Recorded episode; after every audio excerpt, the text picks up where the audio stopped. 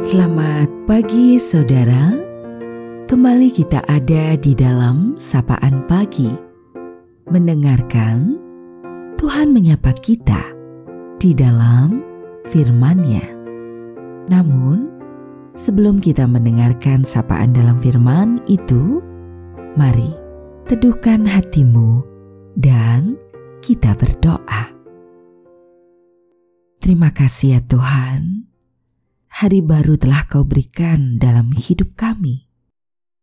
Mengawalinya dengan belajar berserah padamu untuk dimampukan memaknai hari baru ini seturut kehendakmu. Dalam Engkau ya Tuhan Yesus, kami berserah. Amin.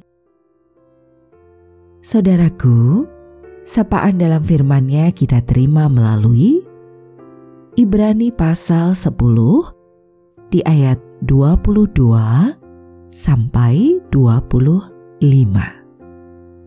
Karena itu, marilah kita menghadap Allah dengan hati yang tulus ikhlas dan keyakinan iman yang teguh.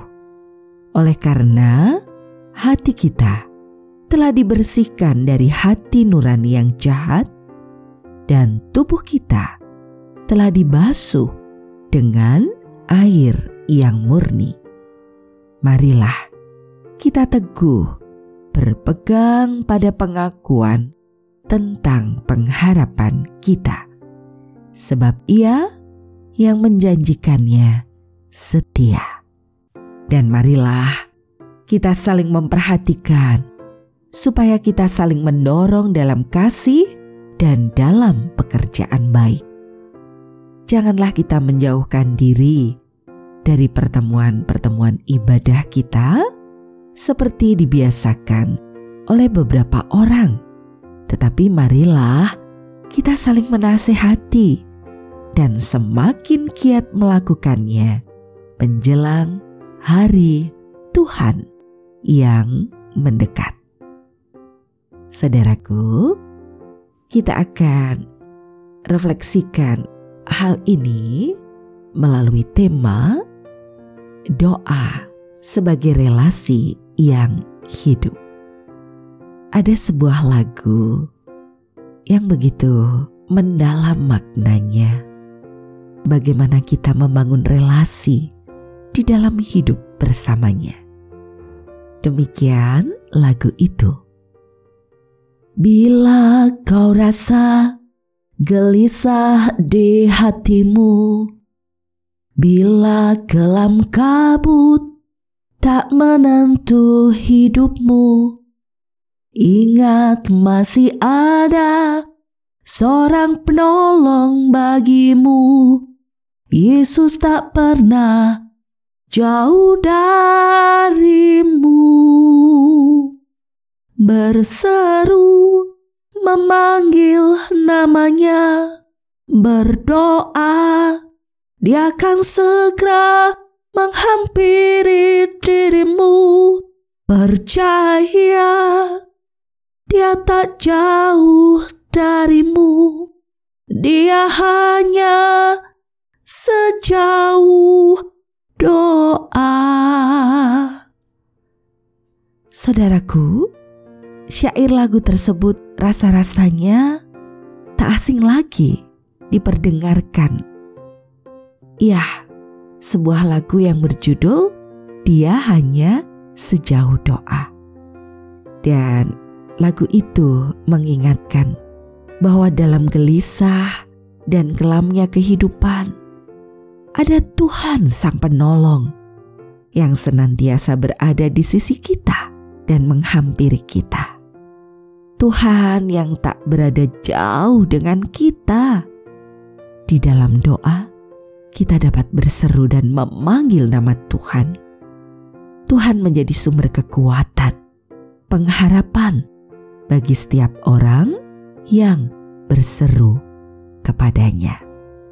Saudara, Yesus mengatakan dan menyatakan selalu berdoa dengan tidak jemu-jemu kita bisa melihat bagian lain dalam Lukas 18 di ayat 1. Doa menjadi cara komunikasi, berelasi dengan Tuhan.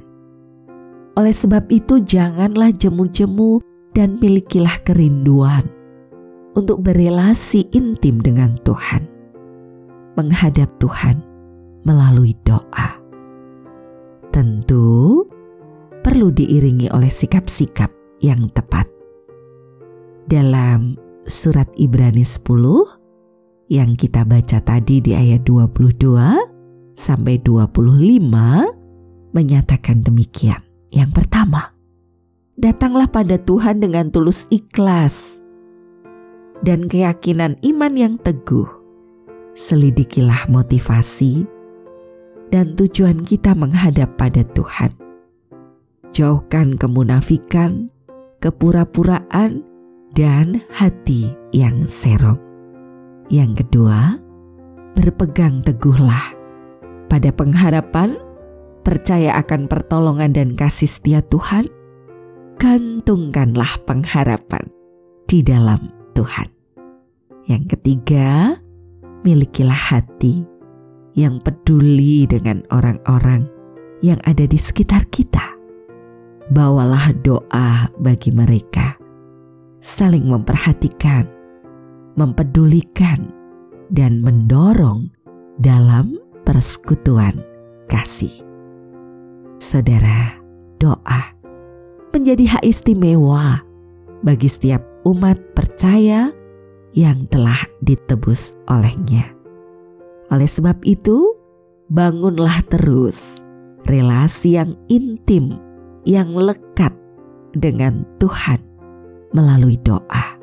Dan miliki hati yang tulus, terus punyai pengharapan, percaya penuh pada Tuhan, miliki kerendahan hati untuk menerima setiap apa pun yang menjadi kehendaknya, serta ingat dan doakanlah orang-orang yang ada di sekitar kita, agar persekutuan indah dalam Tuhan dapat terus terjaga dan terbangun kokoh.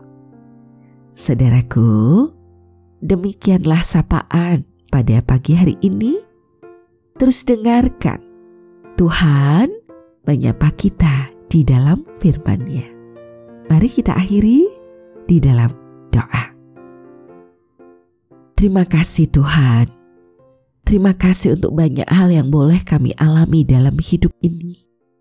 Terima kasih untuk suka dan duka, untuk sehat dan sakit, sebagai madah hidup yang mengingatkan betapa kami ada di dalam rengkuhanmu, yang mengingatkan agar kami terus berserah di antara semangat juang kami yang mudah rapuh, untuk hanya mengandalkan Engkau sebagai penolong hidup dalam doa, melalui doa, sejauh doa, kami berserah seutuhnya pada Engkau. Karena Engkaulah sumber kehidupan yang mencipta kami, memberikan pemeliharaan senantiasa, dan menjadi juru selamat di dalam kehidupan. Saudaraku, Demikianlah sapaan pada pagi hari ini. Terus dengarkan Tuhan menyapa kita di dalam firman-Nya. Saudara bersama saya, Esti Widya Stuti, Pendeta Jemaat Gereja Kristen Jawa Pakem. Saya ada di lereng Gunung Merapi. Tuhan memberkati.